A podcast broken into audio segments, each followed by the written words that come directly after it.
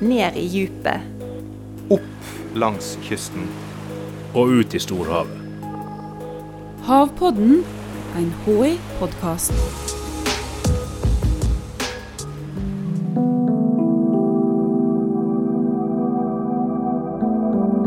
Den beveger seg som en slange. Blodet er giftig og kan drepe en hund eller en kanin. Den begynner livet i Amerika, men kan ende opp i Arna eller Arendal. Ålen kan gjøre ting få andre kan. Han kan symje baklengs, og han kan til og med gå fra salt sjø, snirkle seg over landjorda og havne opp i ei elv med ferskvann. Og så kan de være uten vann veldig lenge. Mange timer, hvis det er fuktig. Um, så det er faktisk en veldig uh, lett måte å transportere dem. Du trenger ingen vann. Du kan, hvis du har dem i en cooler, kan du bare Det er lett å gjøre forsøk på. Um, jeg heter Caroline Durif og er forsker på, um, i Austevoll uh, sin forskningsstasjon. Mange har hørt at ålen han starter livet i Sargassohavet. Men hvor ligger dette Sargassohavet? Og er det egentlig helt sikkert at det er her ålen gyter? Altså, Sargassohavet det er um, i Bermuda-området. Uh, det er på andre siden av Atlanterhavet. Um, så det er en uh, litt strategisk uh, plass hvor um, havstrømmen går i en gyre havstrømmen går rundt og rundt. Vi, vi, vi, tror at den gyter der, men vi har aldri funnet voksen ål som er kjønnsmoden. Um, så vi har prøvd å, å, merke de og følge de uh, når de vandrer utover uh, elvene.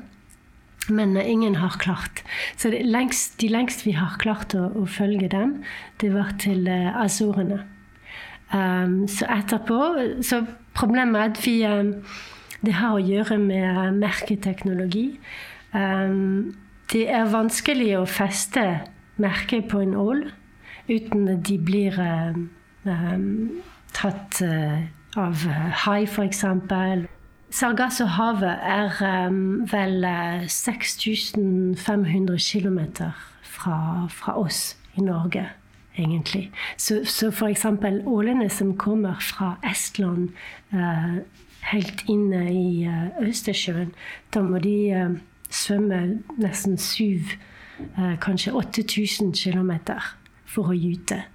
Og det som er interessant, er at alle ål fra eh, Marokko i Nord-Afrika til Nord-Norge gyter i samme plass, så i, i Sargassohavet. Så alle må dra um, Ta en eh, lang, lang reise og treffe på samme sted og samme tidspunkt.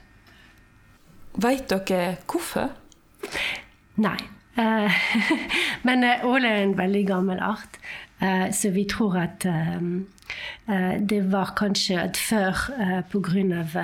den plate tectonic da var kontinentene nærmere gyteplass i Europa.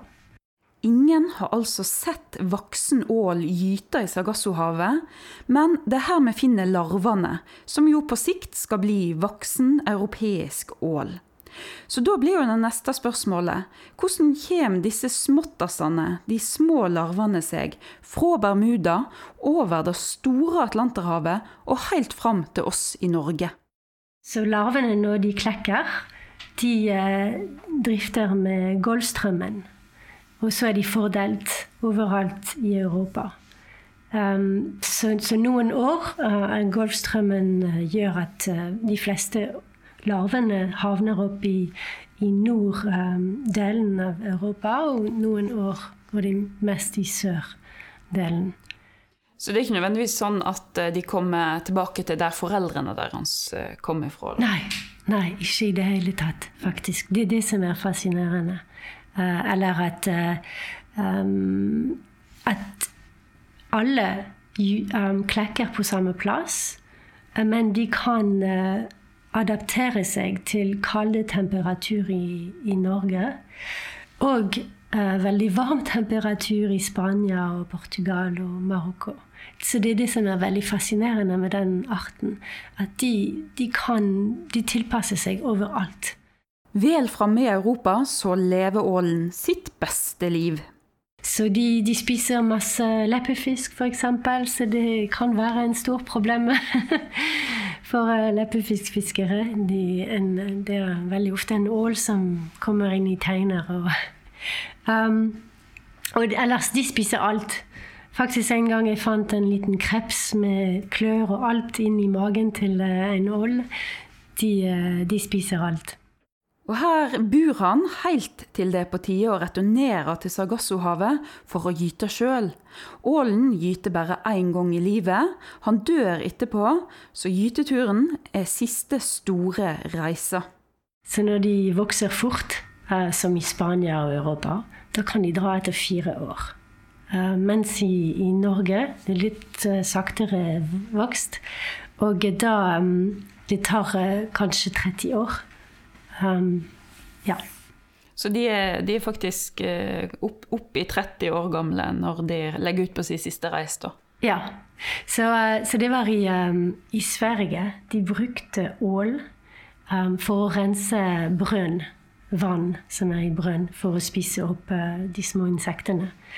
Så det er en um, historie. Det var en liten gutt som heiv en ål i brønn i 1870-tallet. Og eh, den eh, hvert eh, år i, fra, Jeg tror det var fra 1950 at det var en journalist som kom hvert år til den brønnen for å se om ålen var fortsatt der. Og det var en liten kjendis i Sverige. Så den, den, døde i 2014. Så den ble 150 år. Det var helt utrolig. Så det kom opp i avisen. Og, um, ja. Så de kan leve 100 år. 150, eh, kanskje mer. Men eh, ikke i, natur. Hvis ålen ikke får mulighet til å reise ut på denne siste lange gyteturen, kan de altså bli skikkelig gamle. Heldigvis er de færreste åler fanga i brønner i Sverige, og de kan reise ut på gytetur. Men dessverre så er det langt færre ål nå enn før. I dag er de veldig truet. Så vi er um, så eh, bestanden har gått ned uh, av 90 uh, siden 80-tallet. Vet det noe om uh, hvorfor det er vanskeligere for, for ålebestandene? Det er flere årsaker. Og egentlig vi, det er vanskelig å vite hvilken er den største årsak. Men um, det vi tenker, det er at uh, først er det mye mindre habitat.